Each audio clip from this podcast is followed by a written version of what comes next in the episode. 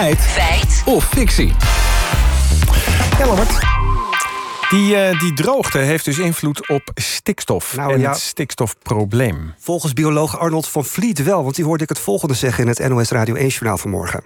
Er zit een relatie tussen die effecten van droogte en stikstof. Eigenlijk wordt door die droogte de stikstofproblematiek, waar we met z'n allen natuurlijk helemaal in zitten, wordt erger. Zo, nou, daar kunnen de boeren het weer mee doen. Zeg. Ja, daar hebben we natuurlijk helemaal geen zin in. Nee, nog erger wordt dat stikstofprobleem door de droogte. Hoe zit dat? Ja, dat zegt Van Vliet dus. Maar goed, we gaan het checken. Ik heb eerst Bart Smeets gebeld, ecoloog en stikstofdeskundige bij eh, Econu.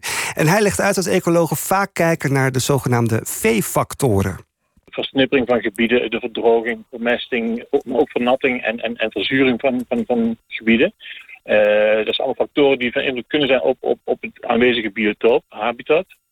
Uh, en en nou, door die factoren te bekijken kun je inderdaad uiteindelijk een conclusie trekken van goh, wat, voor effecten jouw uh, handelingen hebben op dat natuurgebied. Ja, Smeets heeft zelf onderzoek gedaan naar de invloed van klimaatverandering, zoals hogere temperaturen, drogere zomers en extremer weer, op dus die stikstofkringloop in het oppervlaktewater. En wat we in dat onderzoek eigenlijk zagen was dat inderdaad door die klimaatverandering en die droogte en, en, en uh, extremere klimaatomstandigheden uh, ja, het, het, proces toch grilliger werd. Uh, er was grotere kans op eutrofiëring van, van het opgepakte water. algebloei was een, zou, zou veel sneller op kunnen treden door die verandering in het klimaat. Ja, oké. Maar goed, dit is dus, zijn bevindingen zijn dit van Bart Smeets in het oppervlaktewater. Klopt, hè? ja. Maar nu de landbiotopen. Ja, hebben we hem ook gevraagd. Maar Smeets vindt het moeilijk om dit één op één daarnaar te vertalen. Maar hij kan zich wel voorstellen dat dit inderdaad ook geldt voor landbiotopen. Maar Frank Berendsen, emeritus hoogleraar natuurbeheer en plantenecologie aan de Wageningen Universiteit, die bevestigt dat het stikstofprobleem groter wordt door de huidige droge en warme omstandigheden heeft vooral te maken met het feit dat door een uh, hoge stikstofbeschikbaarheid uh, de hoeveelheid uh, bladeren van veel planten toeneemt, terwijl de hoeveelheid wortels relatief afneemt.